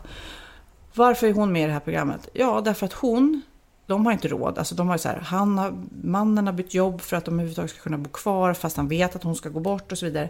Hon vill uppmärksamma ALS och att det, insamlingen fortsätter för pengar. Hon vill kunna känna att hennes dotter har det bra även när hon inte finns där. Så mm. att vi får hennes själ att få ro inför det som komma skall. Liksom. Mm. Eh, så att nej, det cyniska känner jag inte eh, alls faktiskt. Mm. Bra. Men det är ju, jag, jag säger det, man har ju ett litet peptalk med familjen när man kommer dit. Då säger jag alltid så här att om du ser det här programmet och mår dåligt, då har vi misslyckats. Mm. De ska se det här programmet på TV och känna, wow, vad bra att vi mm. gjorde det här. Har du någon del i castingen? Nej, nej. inte alls. Nej. Okej, okay. uh, eh, ja nej, det är ju spännande där. Det, det, är ju, det är ju väldigt kittlande på något sätt också när det är så himla mörkt. Det blir ju en annan nerv när det också är verklighet. Det är, mm. är ett bra program och det är ju det är läskigt. Min man kan inte titta på det. Han, det går inte. Han bara, nej det går inte, det går inte, det går inte. Nej. Har du något favoritavsnitt som du känner så här, det här var det bästa vi har gjort? Ja, jag har, man kommer ju viss, nära vissa familjer extra. En liten tjej som heter Josefin som vi var hos för några år sedan. Som hade cancer och innan vi kom dit också så hade hon opererat bort ben och höft. Och jag tänkte så åh gud, hur ska jag klara det här liksom? Vi kommer ju bryta ihop allihopa. Och så kommer vi dit och bara möter den här tjejen. Jag undrar om hon var nio eller tio då. Alltså hon var så jäkla levnadsglad och mm. pepp. Och hon bara, alltså Sofia, jag ska få en egen permobil. Du vet, hon var så pepp. Så hon bara, hon fick hela teamet och alla byggare bara var så jäkla glad. Och hon bara, ja, hon har, förstår att hon har opererat bort höft och ben och har lärt sig hoppa hopprep på en vecka. För hon tycker att det var rolig utmaning att lära sig hoppa hopprep på ett ben. Man var så här, Alltså själv hade man ju bara legat i fosterställning och tänkt att livet är slut. Liksom. Mm. Och då var det roligt när det programmet gick. Det var ett fantastiskt program, fantastisk tjej. Så fick jag ett handskrivet brev hem hit. Där. Åh, vilken eh, fantastisk familj och så vidare. Jag skulle gärna vilja hjälpa dem. Kanske bjuda, för hon hade en brorsa som älskar hockey då. Spela hockey. Jag skulle vilja bjuda familjen till USA och kolla på vad heter de? New Rangers eller något sånt där. Ja. Och jag bara, jag vet inte vad det här är för brev, så jag gav det till redaktionen. Men så visade det sig att det var någon ägaren av Siba eller något sånt där. Så att de fick åka så första klass till, det här är bara privatgrej så här. Fick åka första klass till USA och kolla på hockey och fick så här hotell, bo på hotell. Och sen så, så klarade inte hon det, den här tjejen. Så hon gick bort sen, den här lilla Josefin. Ja, vi går vidare. Vi går vidare till något kanske lite muntrare. Mm. Ja, Eh, ska vi snacka lite? det här är mitt liv. Ja. Deppi, deppi, deppi. Ja. Ja. Skatti, skatti, skatt. Ja, men högt och lågt, så är det. Eh, podden. Eh, vi snackade lite om det förut innan vi började inspelningen. Ni ligger tätt eh, i, I antal episoder så är ni strax efter mig. I antal lyssnare är ni strax före mig. eh, en podd du har ihop med Pernilla Wahlgren. Hur kom den idén till? Ah, Jag ska nog ge min man den eh, grejen. Eh, för att tv är ju som, eller när jag pratar om det där kallt eh, eller hett. Jobbigt att alltid vara beroende av någon annan, en kanal, någon som vill göra ett program med en. Utan att hitta ett eget ben att stå på. Så det var nog det, att jag ville hitta ett eget ben. Driva mitt eget varumärke mer. Och då tänkte jag vem jag skulle göra det med och hade lite funderingar. Men så kände jag, och då var ju Pernilla, det var ju innan hennes temperatur eh, hettade till om vi säger så. Utan eh, jag tänkte att hon är lite samma. Hon är frispråkig som jag. Hon eh, har många barn som jag. Hon har eh, ja, sina ups and downs i livet. Och Hon är lite mer bekväm med kändisordet dock.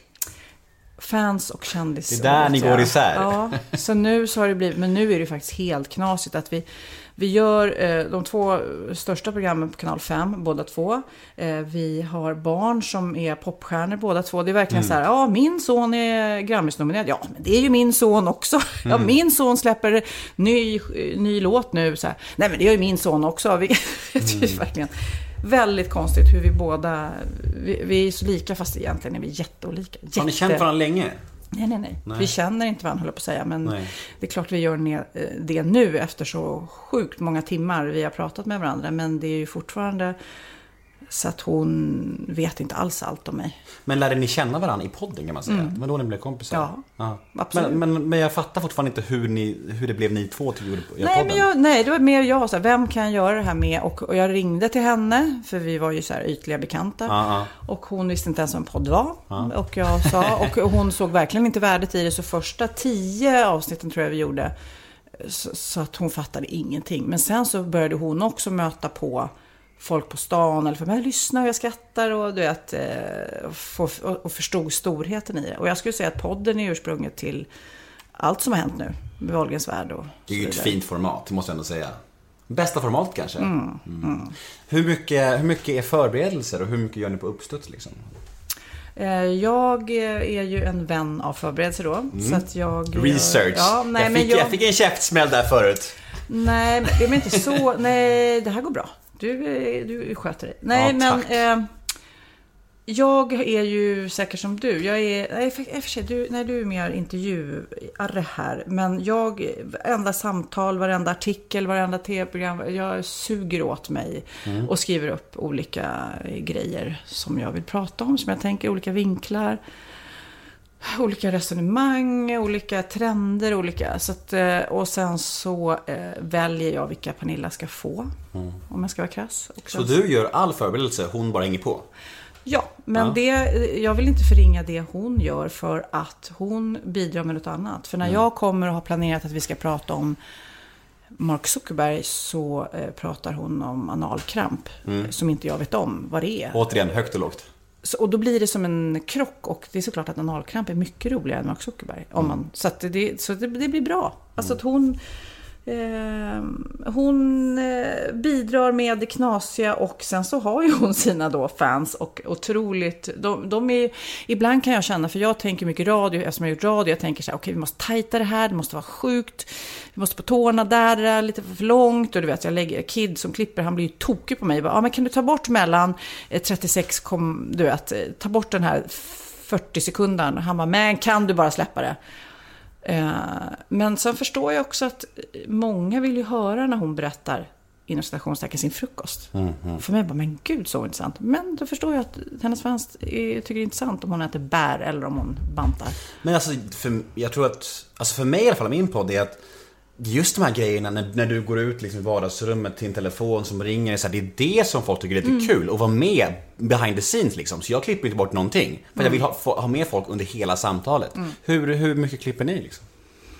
Ja, jag skulle säga att det är få gånger det är oklippt. Eh, Men däremot så är det... Nej, ofta. Hon är ju hopplös, du vet. Mitt i podden så ska hon instagramma eller så ska hon få upp något blogginlägg eller så. Jag ska bara få iväg Theo till fotbollen. Det är mer sådana grejer. Så att jag sitter där och hon kommer ju alltid en till två timmar för sent. Och nu har vi gjort så att Kid och jag åker hem till henne. För hon förstår inte att vi har ett liv. Liksom. Fan vad jobbigt alltså. Nej men alltså det förstår och du vet jag får ett utbrott och sen så säger alla men gud kom för sent själv och jag bara nej men jag kan inte komma för sent. Nej. Det går inte, jag kan inte ändra mig själv så mycket för då ska jag förutsätta att hon kommer. Nej det, alltså det blir tokigt. Vart bor hon någonstans? Bor hon i krokarna också här eller? Hon bor på Lidingö här och Kid bor också här så att vi är ju en liten triad. Och det är kvartett faktiskt för vi har ju en sponstjej också. Så vi, vi, vi var fyra starka som börjar. Lidingö-gänget. Mm. Ja. Eh, vi går vidare. Jag har ett litet segment här som heter sex snabba. Det går ut på att jag säger, det är sex frågor. Som är, du får svara snabbt eller så svarar du lite längre. Du får välja själv. vad bra. Eh, dyrast ägodel? Oj, emotionellt eller... Eh, nej men annars är ju huset såklart. Men har du ingen sån här grej som du har köpt som är svindyr som du aldrig använder? Som du skäms nästan över? Jag har eh, smycken som jag fått av min man. Som jag, men jag är ju liksom en bijouteritjej. Jag, alltså, jag kan inte ha dyra smycken. Jag, bara, jag klappar händerna så att de går sönder typ. Mm. Eh, så att, sådana har jag. Sen köpte jag en jättedyr skinnrock. Som jag hade på mig en gång. Och då kommer Henrik Schyffert fram och tycker att jag ser ut som Iggy Pop. Så då kan jag inte ha på mig den. Mm. Vad så han kost- vad- förstörde. vad kostade men den? kanske kostar 15 000. Ja. Jag sålde den sen på, på Tradera. Men det var så här hur en, någon person kan döda ett klädesplagg. Eh, vad annars har jag för dyrt? Jag, jag, alltså jag går inte riktigt igång på det. Jag är väldigt ointresserad av pengar. Mm. Väldigt ointresserad. Vad missbrukar du? Min tid kanske. Jag bokar upp allt. Jag, säger, jag kan nästan inte uttala ordet nej. Förstår du? Jag är, älskar att säga ja. Och det blir jättejobbigt för att jag ska alltid vara på tre ställen samtidigt och eh, jag tycker det är så jäkla kul att jobba, alltså, eller resor, eller gäster. Kan vi komma och bo hos dig? Jajamensan. Och sen bara, men gud, jag har gäster varenda dag hela sommaren. För jag tycker, ja, så jag, jag missbrukar min tid. Vad gör du när ingen ser? Ja, onanerar kanske. Vidrigaste du gjort mot en annan människa?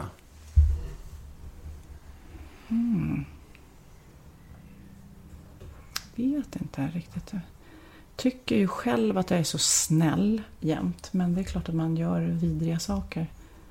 Vita lögner? Är, nej, otrohet kanske? Om, Det är ja, faktiskt den vanligaste svaret på den frågan. Ja, jag vet otrohet. inte riktigt, Ja, men det är bra, det är bra svar tycker jag. eh, Det är en ja. lagom grej att avslöja om sig själv, tycker jag. Ja, samtidigt så är ju det, om, det är ju om otrohet är laddat i det förhållandet. Annars, om personen inte bryr sig så är det inte så. Ja, ja vi säger det. Ja, Vi säger det. Bästa kändiskompis? Du får inte säga Pernilla Wahlgren då. Alltså som är min närmsta Ja, vän. en kändis som du umgås med regelbundet. Oj, oj, oj. Hanna Hedlund. Mm. Väldigt mycket. Vad ska du rösta på i höst? Oj, eh, jag brukar rösta på Moderaterna men eh, jag känner att jag skulle sätta, sätta mig in igen. Det är så kul när Kid kom någon gång och var så här, nej jag tror jag ska rösta på KD. Jag bara, förlåt? eh, så jag tror, ja, jag, får, jag får se. Jag ska sätta mig in i det. Det är så roligt här för jag har lite, lite frågor om så här. Innan vi började den här podden så sa du så här, eh, jag tänkte inte nämna någon namn, men du sa så här, "Ah, de andra intervjupoddarna, de, de snackar så mycket om psykisk ohälsa och ångest och hoppas inte du är sån. Jag bara, mm. Och missbruk. Nej men kör bara. Nej, jag pratade om Kristoffer Triumf och Värvet. för ja. jag tycker att han eh, hamnar ju där hela tiden. Det är något som man är uppenbarligen själv väldigt intresserad av. Och jag är rätt ointresserad av det. Men eh, shoot! Vi, behö- vi, vi behöver inte prata om psykisk Jo, ohälsa, gud, men däremot så kan vi säga så här. Vilka är dina sämsta egenskaper? Jag eh, är tid, eh, jag, eh, jag säger det. Och det är ju även en väldigt bra. Det är många som beskriver det som en bra. Men alltså typ mina arbetskollegor på England, de är så här, du är helt knäpp Sofia. Det är som min torsdagsinspelning sist. Då, är det liksom, då hinner jag med. Jag börjar klockan åtta på morgonen i Strängnäs. Jag kör en lång dags tv-inspelning. Åker på en fest där Viktor och Sami ska spela. Sen åker jag och spelar in en podd. Eh, och sen paketerar jag smycken. Det här är samma dag. Så att folk är så här, du bränner i alla kanter, hörn, ändar. Men jag tänker ju då, apropå psykisk ohälsa, att jag inte ältar. Utan jag li- bara live by the day liksom. Jag lagrar inte panik. Men om man är helt ointresserad av psykisk ohälsa, beror inte det på att man själv... Mår dåligt. Nej, nej, nej, tvärtom. Att du, att du är ganska ångestfri. Ja, men jag är ångestfri. Ja. Eh, Fan vad skönt, grattis till det. Ja. Nej, men jag vet och jag eh, träffar Det ju vill inte många skämmas över. Det är. Nej, men det är, det är ett val jag gör det på så? något vis, känner jag. Man kan ju välja att gå in i det. Eh, Det är som när man eh, får eh, någon dålig recension för någonting. Då tänker man ju, man så här, du vet så här, shit vad jobbigt. Och ehm, man tar det personligt eller att eh, alla kommer läsa det här och bry sig. Så kan man tänka. Eller så kan man tänka, whatever. Det är deras åsikt. De har ju rätt att tycka vad de vill eh, om, eh, om mig eller vad jag gör. Liksom. Men är det så med allt negativt i livet, alltså kommentarer på sociala medier eller vad som helst, rinner det bara av dig liksom? Är du så pass trygg i dig själv? Ah, din, nej, ibland blir man eh, provocerad. Jag vet att Alex och Sigge, eller Alex Schulman har väl någon slags eh, retar sig på mig av någon anledning. Eh, och det, ja, alla kan ju inte gilla mig liksom. Men han retar sig på mig och gång på gång på. Och då får jag ju höra av andra, men nu har han gett sig på dig igen i podden liksom. Och då kan jag välja att må dåligt över det eller tänka så här, ja men ska han, få, ska han få mig att må dåligt? Det verkar ju konstigt liksom. Så jag ringt till honom någon gång och ifrågasatt, han ringer inte tillbaka. Så han är ju en rätt, en rätt feg typ. Jag intervjuade ju Anna Mannheimer för några veckor sedan. Mm. Och hon sa samma sak. Hon bara, vad är det Alex Schulman har emot mig? Det är så här kul. Som en följetong i min podd. Folk intervjuar. Säg så. Nej men vet du vad jag tror också att det är? Han är ju, sitter ju, han, de, de gör ju också en podd varje vecka och ska leverera material och, och, och letar. Och då är det väl, det är väl eh, Konkurrens. lätt att slå på andra. Det, och det, då får de skapa någon slags, eh, rör om i grytan på något vis liksom. Vad vill du säga till Alex Schulman då?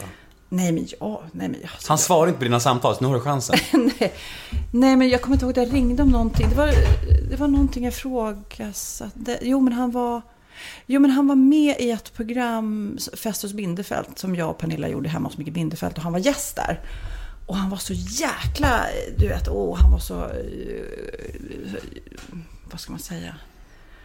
Trivdes som fisken i vattnet. Åh, vad han njöt där. Det var David Lagerkrans och han. Och tyckte det var så roligt. Tackar så mycket för den här härliga inspelningen och så vidare. Och sen så skriver han så här, fy fan vad äckligt och hemskt så fort han kommer därifrån. Så då bara känner jag så här, eh, spelar han hela det där? Låtsas att han bara gillar det? Det är väl väldigt konstigt att han liksom inte står för det hela vägen. För det är ju inget, han behöver ju inte vara med. Han behöver inte tacka ja till det här programmet. Han behöver inte vara glad när han är där. Utan så att han, nej. Men han, alltså jag bryr mig inte. Han får tycka vad han vill.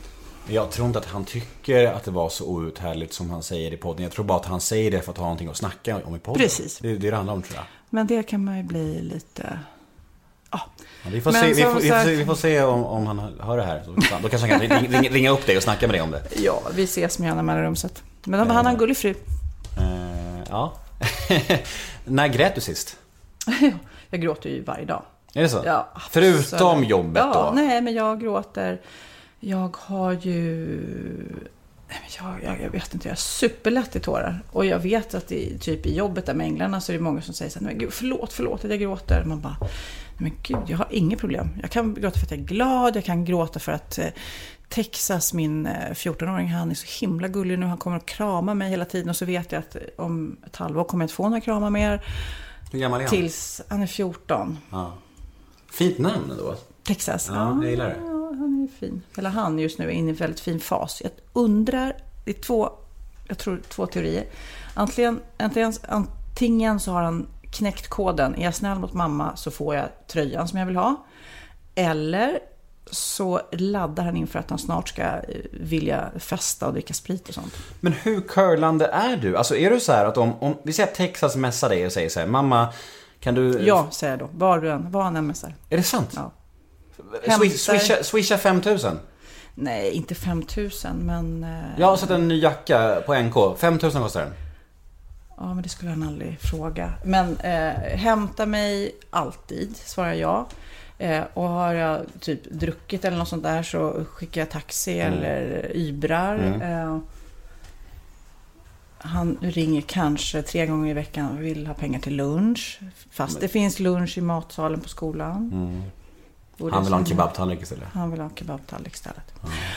Det svårt att säga finns, något, det finns något ställe på Lidingö som är lite känt. grill heter det. Grill någonstans. Mm, Ja, Grill. Pre, press, Prestogrillen Ja, det. som är, har känd kebabtallrik. Jag funderar på att prova den efter intervjun. Ja, mm, ja. Du, eh, jag har ett segment i min podcast som heter ett ord om. Mm. Det går ut på att jag säger fem stycken svenska kändisar som brukar skapa reaktioner. Och du ska säga första ordet som kommer i ditt huvud när du hör namnet. okej. Måste jag förklara ordet? Nej, Eller bara, nej bra. ett ord om bara. Och det är väldigt intressant vem som är nummer ett här, men vi får se. Ett ord om Alex Schulman. Cynisk. Marcus Birro. Religiös. Sara Larsson. Eh, eh, talang. Jimmy Åkesson. Idiot. Leif GW Persson. Eh, sluddrar. Ja, du, du skötte det bra. Jag satt nämligen i talangjuryn när Sara Larsson vann. Ja, det är stort. Så att jag känner att utan mig så hade hon aldrig slagit igenom, eller hur? Mm, förmodligen. Eh, avslutningsvis så har vi ett gäng eh, lyssnarmail. Vi börjar med första då. Veckans mail nummer ett. Hej Sofia! Vad tycker du om din son Kids grupp Tjuvjakt? Gillar du musiken på riktigt? Är det verkligen din musiksmak? Och skulle du säga om du avskydde det? Eh, Jag var på Grönan och spelade på Grönan för ja, 12-13 000 pers i mån- nej, fredags. Nej, det var helt galet. Jag stod på hyllan och tittade ner och... Nej, du vet, deras senaste platta kom ju för två veckor sedan. De kunde varenda textrad. Var, det var så maffigt va. Och alla viftade med sina armar och tände sina mobiltelefoner och gick ner på knä och gick upp och allt vad de gör. Äh, det var så jäkla häftigt. Jag är så stolt. Jag tittar på Magnus, min man, och han stod och grät där. För att han blev så jäkla rörd. För att vi har följt Kid i hans kamp för eh, musikkarriär, kan man väl säga. Han har suttit så många timmar i den där studion, i den där källaren, i det där mörkret, i sin musikvärld och gjort så mycket dåligt för att sen komma fram till något bra. Jag tycker eh, 75% av Tjuvjakts låtar är geniala och 25 förstår jag ingenting om. Bra. Veckans mail nummer två. Hej Sofia. Ja, här är den här frågan då som återkopplar till eh, Sofie Pop. Eh, veckans, ja men pop. Mm. Ja, på. Veckans mail nummer två. Hej Sofia. Du har ju intervjuat Backstreet Boys, Lenny Kravitz, Britney Spears och andra giganter från förr i tiden. Vad minns du tydligast från dessa intervjuer? Kan du bjuda på något smaskigt skvaller? Vilka var härligast och vilka var de största asen? Eh, ja, Lenny Kravitz var så jävla sönderrökt kan jag säga. Och nu svär jag igen. Vad konstigt att du okej. framkallar... Men jag gillar Fan, inte att svära. skyll inte på mig! Jo, det är ditt fel att jag svär. Eh, Lenny Kravitz var rätt otrevlig och rätt eh, sönderhaschad, eller vad man nu kan säga. Han Mm. var jäkligt långsam. Och jag hade gjort sjukt rolig, bra research. Eh, och han var ogin. Vad betyder det? Eh, Ogin? Ogin att han inte ville ge, för det är lite Nej. när man inte blir intervjuad så väljer man ju att ge eller inte Mm. ge. Och han valde att inte ge, typ. Ehm, Tycker du att du är Jean? Ja, jag tycker att jag ger rätt Mm. mycket. Bra. Mm, mm. Har du något annat exempel på någon härlig? Härlig, nej, ja, Britney Spears som intervjuade, hon var ju så ung och oskyldig och eh, Styrd va? det, det var verkligen så här, eh, jag säger de svaren som jag har skrivit upp, som Mm. finns här på min Q&A liksom. Eh, Elton John var ju det som jag nämnde, den var ju supercool, just för att jag hade ingången via eh, Christer Lindarw. Ehm, Jag måste ju visa, eftersom jag frågar den här frågan så måste jag visa min högerarm för dig. Jaha, Nick Carter. Jag visar ju min arm här. Nick Carter står på min ja. arm. Är det sant? Du gillar honom så mycket? Ja, men det är också en kul grej. Ja, ja. Jag, jag var ett väldigt stort fan av Backstreet Boys och är fortfarande än Ja. idag. Och eh, Jag men jag har hört att han är ett as och därför, du har träffat dem. Ja. Men då var de också väldigt eh, unga va? Var de inte det? Ja, framförallt. Och jag var kompis med Max Martin. Så det kändes jag kom från, från några som de litar på. Mm. Men jag har, jag har deras autografer där nere. Nick Carters också. det där det står till Kid. Jag tog till Kid och så skrev alla sina autografer. Ja, det är stort. Det är stort. Eh, nej, de är fru- fruktansvärt bra fortfarande. Ja, jag, jag älskar dem. Alltså, det eh, kommer ju, du vet att det kommer en ny Ja, platta fast nu? det är en ny platta. Det är som Rolling Stones ny platta. Rätt ointressant. Men tänk dig ändå, en solig dag, högsta volym Backstreet Boys. Ja, det är Can't magiskt. go wrong. Det är, jag håller helt med. Enig, enig. Veckans mail nummer fyra.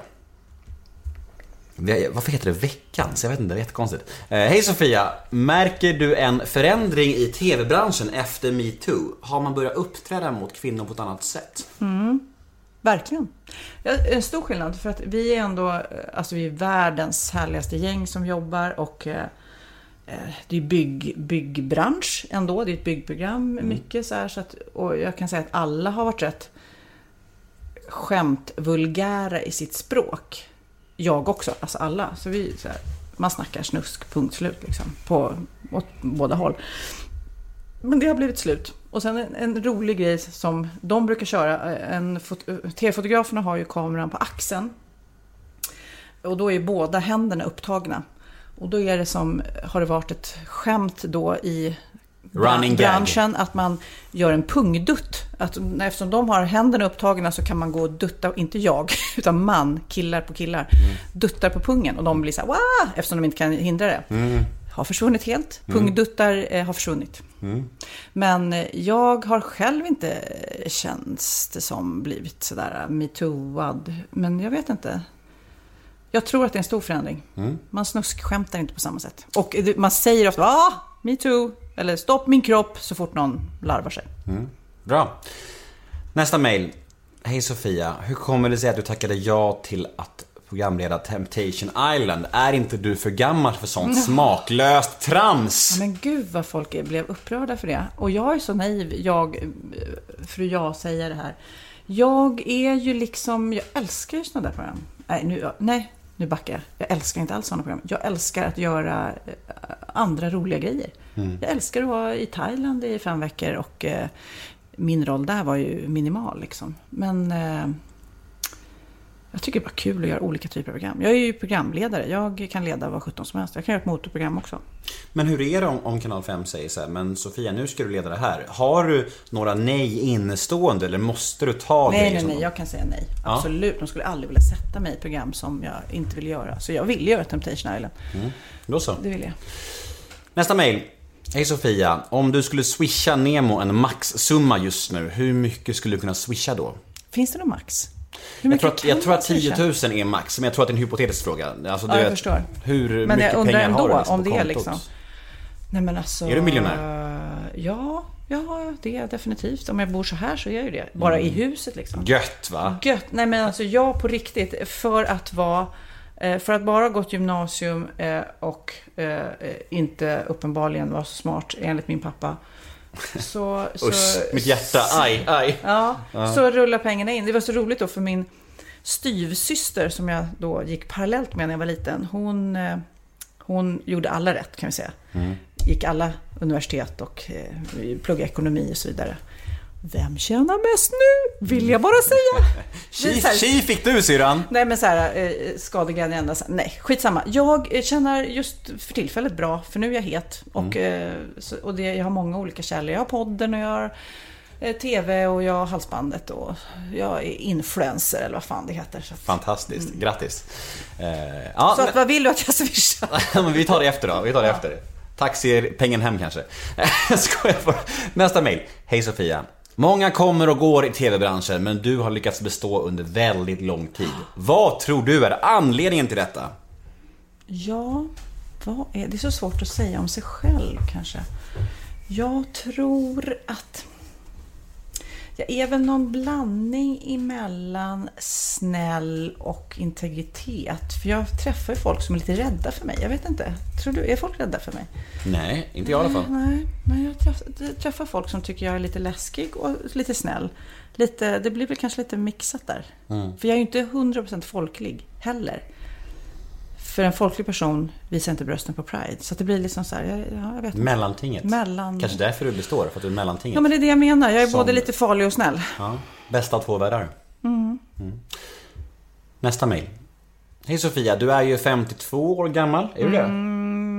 Ja, ja, just det. Jag fyllde precis. Ja, det, är, det är så sjukt oklart. Ja. Du är ju 52 år gammal. Är det något du tänker på? Är du en åldersnojig människa? Hatar att fylla år. Eh, nej, inte att fylla år egentligen, men eh, jag hatar att bli gammal. Jag vill ju vara ung och stark. Det är här din ångest kommer in. Ja, Enda ångesten du har i enda livet, är det så? Ja, men alltså, ja, typ att typ livet går fort och att det, att typ man, inte nu kanske, men snart kommer begränsas i sin fysik och så. Det är ju deppigt. Man Nej. vill ju vara ung och stark. Och snygg. Eh, ung, stark, eh, s- snygg och eh, hungrig. Och pigg. Ja. Sista frågan. Mm. Drömmar och framtid.